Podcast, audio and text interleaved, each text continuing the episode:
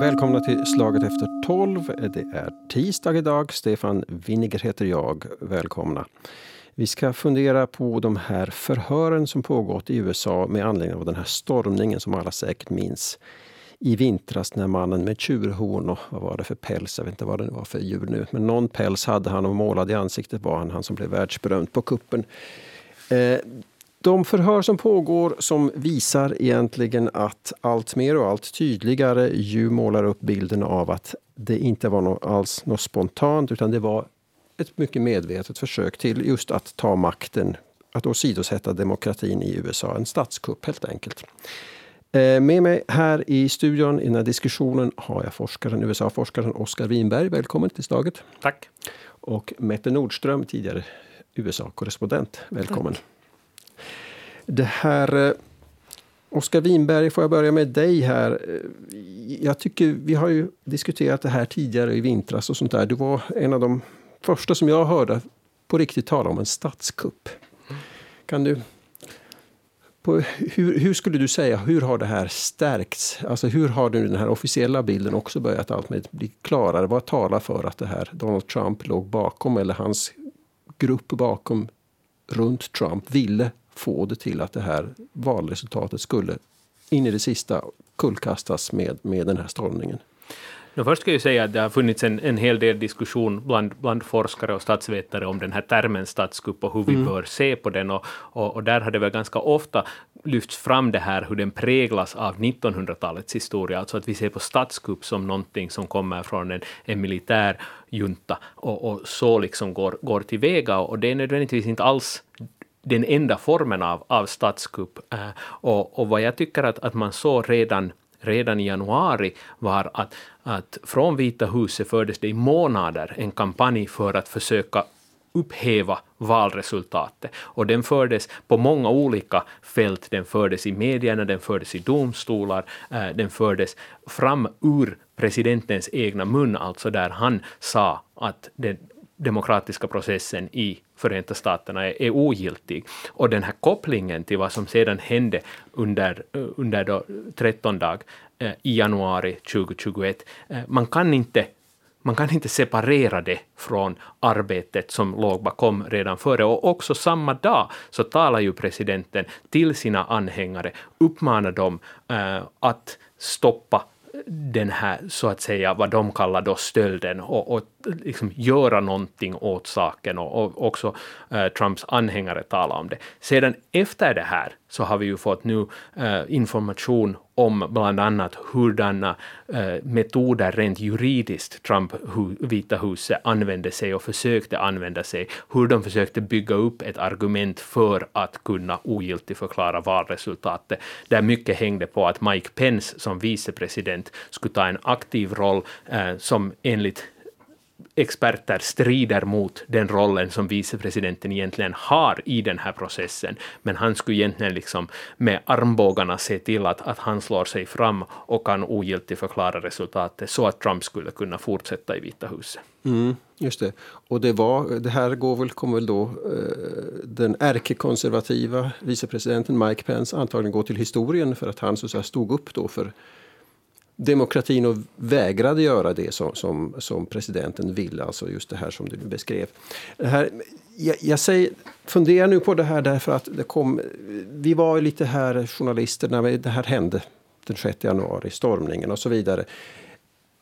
Det, statskupp är ju inte första ordet man tar i mun egentligen. Därför att det kan, olyckor kan hända. Man vet inte. Som journalist man ska ju vara försiktig när man sätter etikett. Mette Nordström, du som har bevakat amerikansk politik. Hur tänker du kring det här med att, alltså så att när vi ser detta hända, eh, att liksom... Därför att det har kommit reaktioner, bland annat. Det finns några få kanske, men det finns ändå folk som, som sympatiserade med Donald Trump i, i svensk Finland som har skickat eh, mejl ibland till slaget efteråt sagt nu sitter ni där och talar illa om Donald Trump och så vidare. Men att, att det här att de som... Eh, de, eh, att, sätt, att liksom, när ska vi slut, när vi beskriver det som händer, så som det skedde då, på något sätt, kan du som journalist på något sätt öppna upp det här varför man, varför man är så försiktig med att ta sådana starka ord? Jag vet inte, ibland så diskuterar vi vad som är semantik och vad som inte är. ursäkta. Och, och, vi vill ju ofta ge ord, så här, precis som statskupp eh, vill vi ge mm. för att kunna beskriva någonting. Men jag skulle kanske gå en annan väg för att, att, att de som ännu funderar på vad som egentligen hände. Så när jag tittar på de här vad som hände i kongressförhören under nu den här eh, gångna veckan. Och det att man, hade, man har stämt är det ungefär 16 nyckelspelare i Trumps, i Trumps entourage. Så där handlade, just ni nämnde eh, Mike Pence här, så där handlade bland annat om att, att man hade då gjort upp en plan för eh, eh, vicepresidenten Pence att förkasta elektorsröster i sju delstater. Trumps kampanj uppmanar delstater att förhala eller förkasta elektorsröster. Trumps närmaste krets sitter i möten om olika möjligheter att, att, att hjälpa valresultatet. Eller alternativt då att konfiskera valmaskiner, att utlysa nödläge, att utlysa nödlägesåtgärder. Mm. Så det här är ju alltså jätte, en jätteallvarlig process och då tycker jag kanske att vi behöver inte haka oss upp på vad nej, det nej. egentligen är att vad det, och vilken form äh, statskupp. För precis som ni säger också statskupp så kanske vi tänker på något latinamerikanskt land någonstans mm. eller ett afrikanskt land. Eh, medan det här är ju en, en systematik som, som, som är häpnadsväckande. Mm, mm. Ja, det, men det, det, är lite det jag, jag far efter här på något sätt. Därför att det är en starkt, och i USA men också här, en starkt polariserande personlighet. Den tidigare amerikanska presidenten och så vidare som ju har sina glödande anhängare som har kvar sina glödande anhängare. Så därför, därför vill jag nu hålla mig kvar lite kring det här begreppet. Därför att som du nu räknade upp här så finns det alltså tydliga bevis på att det här har skett väldigt systematiskt och att, så att, säga, att den här uppviglingen den sjätte eh, Eh, januari var så att säga, det sista, så sista draget. Att handgripligt låta en folkmassa storma parlamentet för att, för att rent fysiskt tvinga fram det som man inte hade lyckats med i domstolar och via påtryckningar och sånt där. Jag minns att det var just telefonsamtal. Trump ringde till guvernörer och sa kan du nu inte bara se till att ogiltigförklara valresultatet? Kan du inte bara helt enkelt hitta några tiotusental röster till? Och så vidare och så vidare och så vidare. Men att de här människorna som, som gillar Donald Trump i USA, de amerikanerna, de väljarna, de finns ju än idag. Vad säger de? Ja, de, de förstås eh, avfärdar delvis anklagelser om att, att det skulle ha gå, gått fel till. Eh, Trump har ju byggt upp, och, och överlag eh, Republikanerna har ju byggt upp bilden av att de försvarar demokratin mot så att säga olegitima äh, motståndare. Och, och, jag tycker att det här är den, den, den stora så här vändningspunkten i amerikansk politik om vi tittar är att, att republikanerna från ungefär 90-talet framåt med, med Newt Gingrich i, i spetsen i, i, representanthuset medvetet gick in för att, att förklara att motståndarna är illegitima. Och, mm. och då kan vi ha en situation där, där vi har sett att, att Trump-anhängarna eh, till exempel inför nu valen som hölls i, i Virginia och i Kalifornien, så före valen ens hade gått av stapeln så talar man om att det är omfattande valfusk och det är därför eh, som republikanerna förlorar. När sen republikanerna skrällde i, i Virginia och kunde ta en knapp seger i guvernörsposten, då var det helt tyst om valfusk. Det var inte längre en faktor. Eh, och, och, det handlar just om att, att den här gruppen och den här eh, politiska rörelsen bygger på tanken att om motståndaren mm. vinner, då är det i sig självt bevis på att det är illegitim process, därför för att motståndaren kan inte vinna enligt deras liksom världssyn. Och, och, här kommer ju sen in väldigt mycket um, till exempel rasistiska eller xenofobiska strukturer där man ser om, om den här riktiga Amerika och vad är den riktiga amerikanen, riktiga väljarna. Och, och det såg vi under den här 2020-processen från Vita huset. Mm. Man hela tiden riktar in sig på, till exempel i, i Pennsylvania så talar man om Philadelphia när man talar om uh, Georgia så talar man om Atlanta, när man talar om uh, andra delstater så fokuserar man ständigt på de här uh, storstads områdena där det finns väldigt mycket svarta väljare. Mm. Det var det, och det var liksom en klar signal. Man ville göra klart att det här är illegitimt. Joe Biden kan inte vara legitim president om hans stöd bygger på svarta befolkningen, eh, invandrarbefolkningen mm. och så vidare. Då representerar han helt enkelt inte eh, Förenta Staterna så som de ser på det. Och det är kanske liksom grunden här. Jag tycker att det är jätteintressant det här just eh, den här lögnen om det stulna valet som har blivit en så stark driv kraft i det republikanska partiet. Att man lever med det, man lever av det. Och att också, man har ju kraftfull media på sin sida. Till en del man har sociala plattformar där den här liksom, det här fortsätter att leva. Vi har också en intressant situation för Biden som ska förhandla med ett parti som anser att han inte är lagligt vald president. Att han sitter i en sån sits Trots att jag tror att det är ett 60-tal rätt, 60 rättsprocesser som har varit igång för att försöka pröva det här valresultatet. Och inte en enda SDN har kunnat påvisa att någonting har skett, att någonting illa har skett eller någonting har gått fel. Och här kommer vi till en sån här teori som, som statsvetaren Liliana Mason har talat om, som kallas för megaidentitet, alltså att amerikansk politik idag präglas av den här äh, lagkänslan, äh, röda mot de blåa, äh, eh, och då så anammar du in i den här identiteten frågor som personligen för dig kanske inte är så viktiga. Så om du är republikan så kanske vapenfrågan och abortfrågan blir väldigt viktig fast det inte själv berör dig, helt enkelt för att du vet att mitt lag står på den här sidan i den här frågan. Och det tycker jag är det centrala här, att efter januari, då det ändå fanns ganska höga opinionssiffror mot Trump eh, och mot det här eh, upproret mot demokratin, också inom republikanska partiet, så har vi sett att de här siffrorna har ändrats ganska kraftigt. Och, och det är en process som delvis skedde i månaderna genast efter januari, men som har fortsatt också. Så om vi tittar på till exempel opinionsundersökningar så säger republikanerna idag bara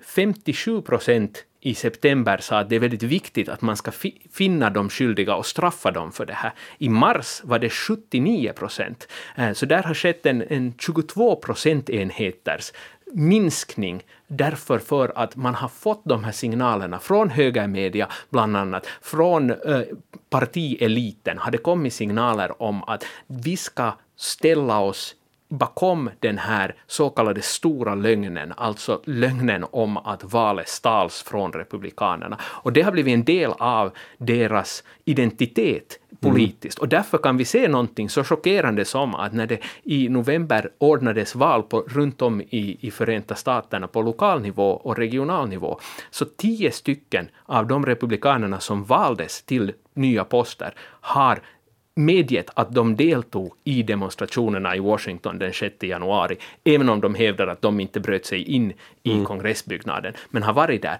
Så man ser ju helt tydligt att det här är någonting som har accepterats inom partiet. Så det är alltså ingen, det är om du är republikansk politiker idag nu, bara vad är det nu, 10-11 månader senare, 10 drygt, så är det ingen belastning att ha deltagit där. Tvärtom så ser vi att det är en belastning att inte har, har liksom tagit del av det här. Mm. Och, och, just nu i dagarna så håller man i Wyoming, delstaten Wyoming, som är en väldigt konservativ delstat, och har endast en representant i, i representanthuset, Liz Cheney, som har profilerat sig som en väldigt kraftig konservativ röst mot Donald Trump. Mm. I Wyoming just nu håller man på att rösta för att hon inte ska godkännas inom partiet på grund av att hon tar avstånd från Donald Trump. Halleluja säger jag bara. Hörrni, det här, eh, i, i, här i Europa brukar vi se lite annorlunda på amerikansk politik än vad amerikanerna gör. Så att jag, om jag målar upp en sån här bild att kanske många tänkte att men nu här eftermiddagen den 6 januari, nu, nu visade de sitt riktiga ansikte på något sätt. Och nu hörde vi just att amerikanerna är redan fine med det där. Men här hos oss var det så att nu, nu måste de väl ändå förstå att det där är skurkar det där går inte rätt till och nu kommer väl USA att ta avstånd från det här. Alltså, har vi, vi missförstått? Har vi liksom...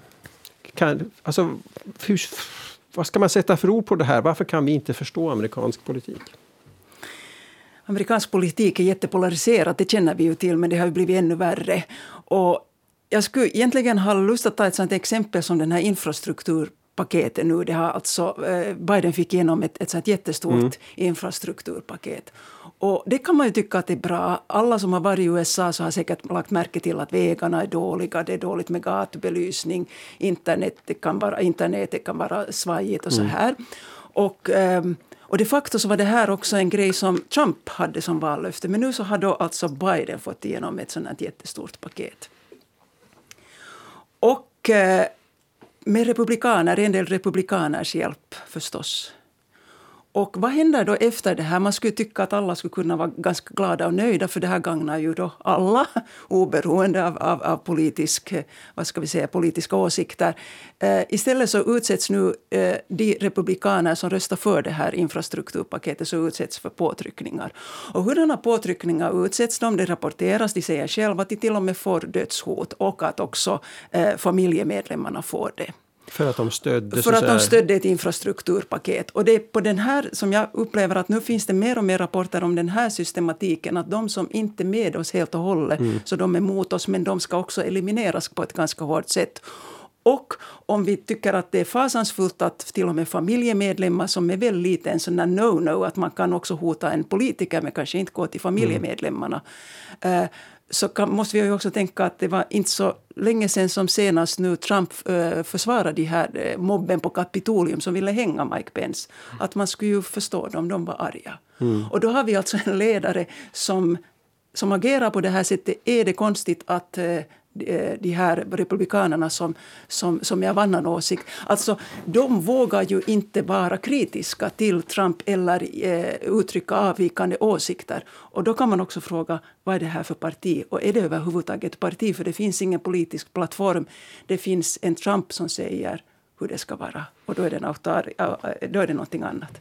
Och jag tycker att det viktiga här är att, att påpeka att äh, republikanska väljare ställer sig inte emot innehållet i det här infrastrukturpaketet. Om man till exempel frågar att hur ställer ni er till investeringar i det här vägnätet, eh, så har det ganska höga opinionssiffror, också bland republikanerna. Men, men den där liksom vad det handlar om är inte egentligen det relevanta, utan här kommer vi igen till den här laguppställningen, liksom vi mm. mot dem. Eh, att eftersom partiet är emot det, för att det är någonting som det andra partiet står bakom, eh, så fast vi tycker om det som förespråkas så ställer vi oss emot det för vårt lag är emot det. Och här är så oerhört viktigt när vi talar om politiskt våld att påpeka den där rollen som eliten har, alltså elitsignalerna från politiker är oerhört viktigt och det har forskning av, av statsvetare visat att när politikerna, när det uppfattas att politikerna godkänner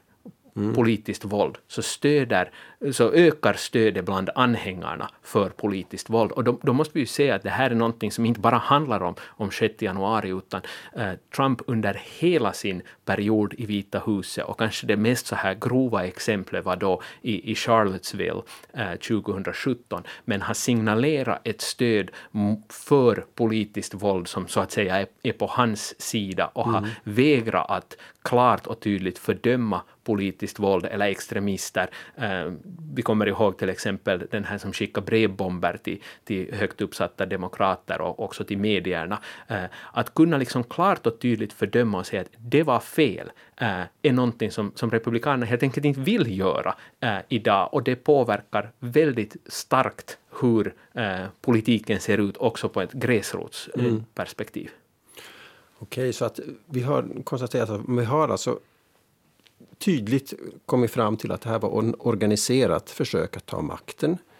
Att det sen inte längre är ett problem att ha deltagit i det om man vill göra politisk karriär och att man helt enkelt väljer att se huvudfåran snarare än vad, liksom, vad man egentligen vill. Utan sådär.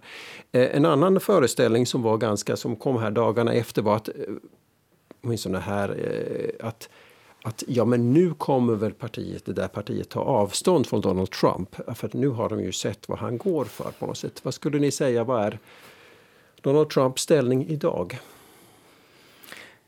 Jag, jag skulle säga att, att Donald Trumps ställning idag, um, och det har vi sett i och med att uh, partieliten har fortsatt att behandla honom som en ledande figur. Alltså uh, ledaren i representanthuset, Kevin McCarthy, har, har åkt ner till Mar-a-Lago, Trumps uh, hem, och, eller den här klubben i, i Florida, och, och liksom sökt hans stöd. Mm. Så partieliten har valt att fortfarande så att säga binda sig till, till Trumps framgång. Sen när det tittar på en, på en det här väljarnivå så är det lite mer splittrat. Alltså, trots att, att det ser ut som om Trump skulle kunna hur lätt som helst bli partiets kandidat om, om han skulle ställa upp på nytt för presidentposten, um, så är det faktiskt bara 20, 44 procent av republikanerna som vill att han ställer upp mm. 2024. Sen finns det ytterligare 22 procent som hoppas att han stöder någon som representerar hans agenda eller hans åsikter. Uh, men det är en tredjedel, ungefär 32 procent, som säger att de, av republikaner alltså, som säger att de vill att han inte ska i fortsättningen vara en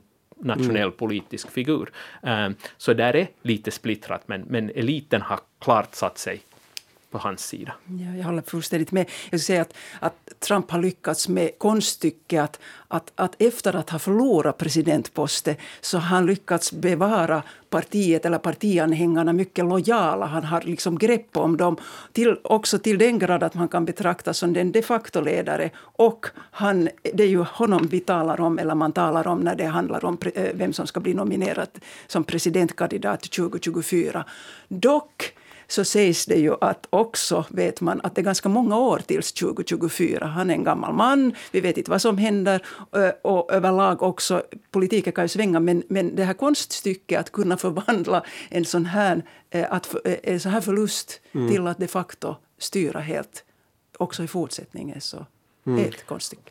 Och jag tror att det viktiga där att påpeka är att inte endast förlorade han då valet 2020 utan han fick ju färre röster också 2016. Ehm, så att ett parti binder sig till en person som inte på två försök har kunnat få en majoritet av eh, rösterna i presidentval, det visar ju också vilken inställning de har till väljarna och vilke, hur de har tänkt garantera sin politiska makt i framtiden. Och det här är någonting som är liksom centralt när vi talar om, om, om 6 januari, att det var ju inte så att, att liksom den här trenden mot demokratin inom republikanska partiet tog slut, utan det vi har sett sedan dess är att på lokal nivå så begränsar man kraftigt rösträtten och man sätter in i vallagarna sådana slags mekanismer där republikanska antingen guvernörer eller eh, delstatsparlament kan ogiltigförklara valresultatet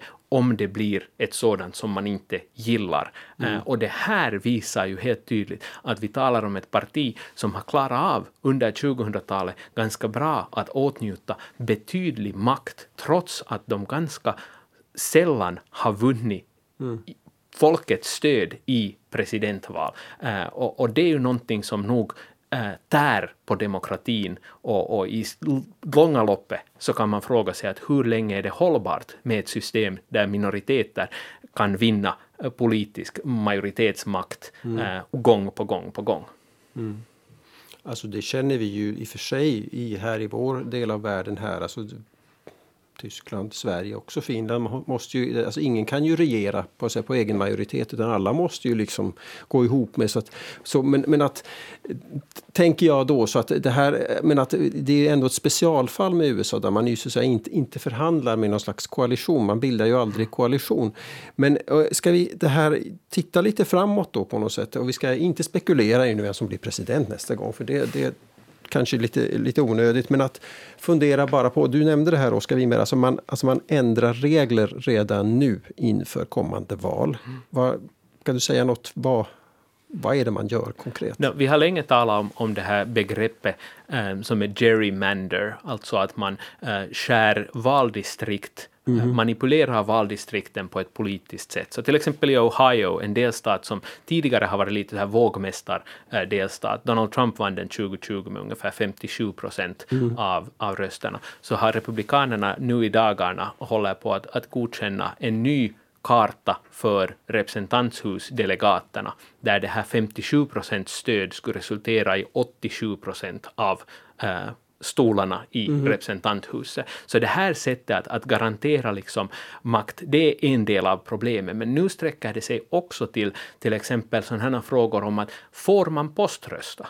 Mm. Eller var ska vallokalerna vara? Och, och, vi såg hur extremt det blev 2020 i till exempel delstaten Texas när plötsligt Demokraterna såg ut att vinna mark där, där man hade liksom valdistrikt storleken av, av hela Åboland, där mm. det fanns ett ställe där du kunde lämna en sån här förhandsröstsedel.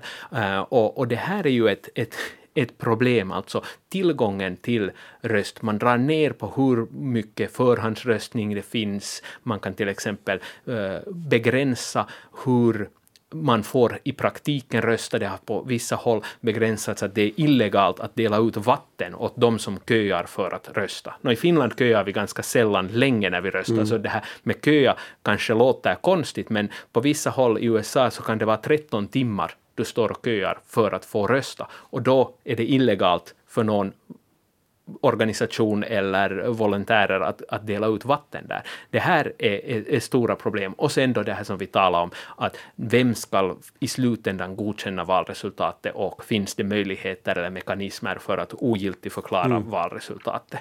Uh, och det sker alltså på bred front i USA. Det handlar inte bara om en eller två delstater utan uh, snarare ett tjugotal. Och den här berömda högsta domstolen den kommer inte och liksom ringer upp och säger hallå där, vet ni vad, det där vi har något, we have this thing called demokrati. Och att ni försöker ni liksom det här att, att, att rigga liksom framtida val. Det, ha, det finns ingen sån makt alltså uppifrån att förhindra det. Eller som... Alltså, Högsta domstolen har, har tagit avstånd från att blanda sig i de här gerrymander-frågorna. Mm -hmm. Men sen är det ju så att, att valsystemet i USA är att det finns ingen federal vallagstiftning, utan valen ordnas på delstatsnivå. Eh, så det är ovanligt att sådana fall skulle komma upp till Högsta domstolen. Men vi kanske bör betona också att Högsta domstolen har spelat en, en roll i det här. Det fanns alltså någonting som hette Voting Rights Act, eh, mm. som var från 60-talet, som skulle se till att den här diskrimineringen av den svarta befolkningen i sydstaterna, där det var mer eller mindre omöjligt som svart att rösta, den skulle ta slut. Och i den här lagstiftningen så sattes det en klausul om att de som har historiskt mönster av att diskriminera, de får inte ändra sina vallagar mm. utan federalt godkännande. Och den här strök då Högsta domstolen i början på 2010-talet, den här klausulen. Och, och sen dess så har vi sett en våg av ändringar på lokal nivå. Men är inte just den här utvecklingen den att vi har det där 60-tals, 1965 när Lyndon B Johnson eh, undertecknade den här, eh, den, här, den här stora vallagen, så utvidgade man den också under 60-talet flera gånger att beröra mer och mer. Och så kommer vi till 2010-talet och då börjar vi se de där första tecknen på att man, att man inskränker. För det här är ju någonting som man har gjort. Man har försökt också, före Trump har man försökt inskränka Eh, på vallagarna eller rättigheterna också där gerrymandering. Men är inte den här grejen just nu att, att, att i vilken att den här liksom omfattningen är. Äh, Biden säger att det här är det största hotet mot demokratin sen inbördeskriget. Att man håller på så massivt nu att ändra det här och det är det som är, som är grejen. Absolut, och man gör det på ett sätt som, som så att säga, alltså den här lagen som vi talar om, Voting Rights Act, äh, det har varit så att den har förnyats med jämna mellanrum äh, i kongressen och den har alltid haft en överväldigande mm. majoritet. Vi talar liksom åt, över 80, över 90 90 procent av representanterna har röstat för att förnya den. Men när Högsta domstolen, som ju inte står till svars till väljarna, kunde kasta ut den, så hade på den ena sidan, alltså bland republikanerna, helt försvunnit ett stöd för att göra ny lagstiftning som skulle stärka de här mm. frågorna. Och det är ju det som demokraterna nu driver i eh, kongressen, alltså på federal nivå, att man skulle faktiskt stipulera att medborgarna har en rätt att delta i den demokratiska processen. Och Republikanerna säger att det här är ett, ett angrepp mot demokratin, som vi var inne här tidigare på. De ser det att man skulle utvidga rösträtten som ett angrepp på demokratin. Och, och det är just som du säger, Mette, det är den här omfattningen som skiljer sig idag från hur det tidigare har varit. Och delvis är den någonting som man kan möjliggöra på grund av domstolar som inte står till svars äh, till väljarna. Mm. mm. Så att den här, ja, så det här parlamentariska sandlådespelet helt enkelt. Där avgörs egentligen framtida amerikanska val. Mette Nordström, du som har liksom rest runt i USA och träffat väljare, det här, det här har pågått länge. Vad säger amerikanerna om sånt här? Är det, rycker de på axlarna? Eller är, är det, är det okej okay att, att, att liksom politikerna gör så? Jag tror att det beror förstås på vem man frågar och vem det gagnar. När det, men det här är också som, som man får här, man förstår ju här nu av Oskar också att det är ju någonting som har pågått väldigt länge. Så det här, och det kan vara också ur en finländsk synvinkel så kan det verka lite konstigt att man inte skulle behöva eh, visa upp ett ID-kort på, på en vallokal. Och det har sen igen eh, eh, beror på hur man egentligen kan skaffa ett ID-kort och, och vilka och minoriteters ställning just i den här frågan. Mm.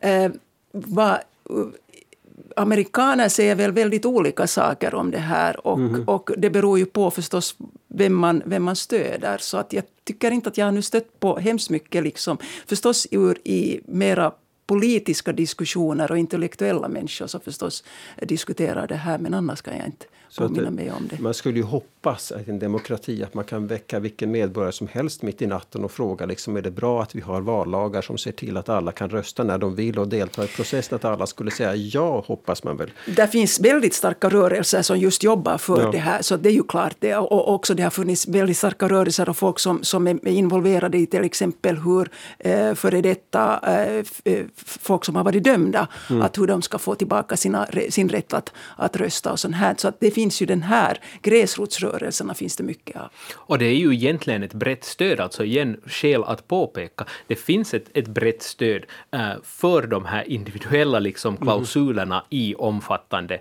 äh, valreform, alltså på, som skulle öka möjligheterna att, att delta i, i val och rösta och så vidare. Äh, till exempel i, i Florida så hade man då ett sånt här system att om du är dömd för brott så är du, har du inte rösträtt, du förlorar det med det. Uh, och man hade det upp för en sån här referendumomröstning i Florida för några år sedan där det fick ett betydande stöd och gick igenom. Och vad, vad hände då som följd av det här? Jo, eh, den delen av befolkningen som därmed fick rösträtt var långt större än marginalerna hade varit i de senaste valen. Så republikanerna gick in för att egentligen omkullkasta det här. Delvis så satte de klart att, att man måste två gånger i referendum i fortsättningen. Det måste två gånger gå igenom. Så kampanjen på gräsrotsnivå blir mycket dyrare och mycket mm. mer krävande. Och så satte de en sån klausul att du måste betala alla slags avgifter du har haft um, när du har då dömts för brott. Eh, och i USA så är det ju otaliga avgifter som kommer ihop med det här, med det här brotts, eller den juridiska processen. Och först då får du din din rösträtt tillbaka, vilket i, princip, i praktiken alltså gjorde att en väldigt stor del av de som just hade fått rösträtten tillbaka, den gick förlorad och det här sköttes från, från guvernörshåll där republikanerna kunde kontrollera det här. Ehm, så den här frågan om att, att vill amerikanerna ha rösträtt? Ja, i, i väldigt mångt och mycket så finns det ett stort stöd. Ehm, men det här stödet ehm, i det amerikanska systemet idag så har inte egentligen väljarnas stöd för olika frågor någon slags direkt korrelation med hur representanterna i kongressen röstar, eftersom det ena partiet upplever att de inte behöver eh, folkopinionen för att kunna trygga sin politiska makt. Mm. Det har väl just gått ett år här sen, sen förra valet då, då alltså Joe Biden valdes till president och Donald Trump förlorade. Det är alltså med andra ord ungefär tre år till nästa val just den här tiden också och som vi hör här nu så arbetas det kraftigt på att det där valet ska bli ett val som Republikanerna vinner. Det får vi se hur det blir med den saken om tre år. Jag tackar så mycket här Oskar Winberg, forskare, USA-forskare. Tack för att du var med i Slaget efter tolv. Tack. Tusen tack också till Mette Nordström, tidigare USA-korrespondent. Stefan Winiger heter jag. Här slutar Slaget efter tolv för idag. Vi hörs igen. Tack och hej då.